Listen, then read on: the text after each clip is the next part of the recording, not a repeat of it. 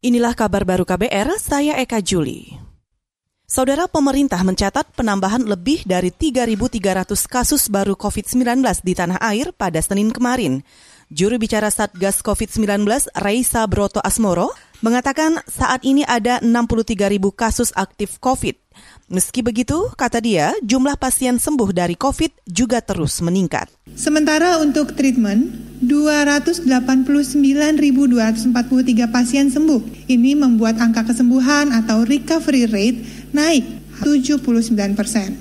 Lebih tinggi dari satu minggu sebelumnya di kisaran angka 70 persen. Itu tadi juru bicara Satgas COVID-19 Raisa Broto Asmoro.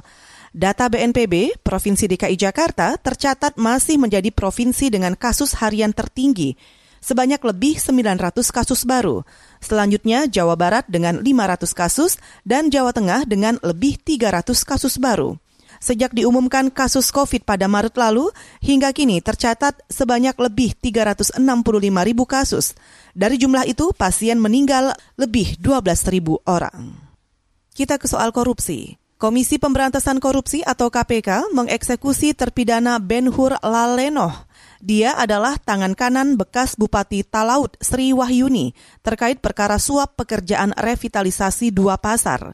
Juru bicara KPK Ali Fikri menjelaskan terpidana empat tahun penjara itu dimasukkan ke penjara Sukamiskin, Bandung, Jawa Barat. Sebagai perantara suap dalam perkara yang melibatkan juga Bupati eh, Talaut. Selain itu uh, terpidana juga berkewajiban untuk membayar denda sebesar 200 juta rupiah dengan ketentuan apabila denda tersebut tidak dibayar maka akan diganti dengan pidana kurungan selama tiga bulan.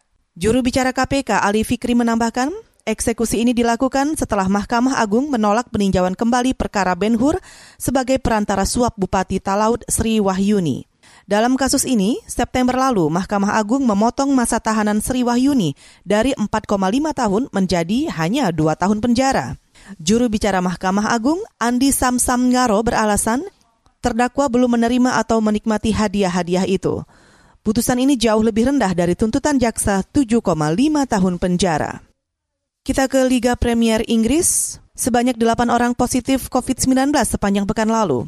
Liga Premier menyatakan hasil itu didapat setelah mengetes lebih 1.500 pemain dan staf.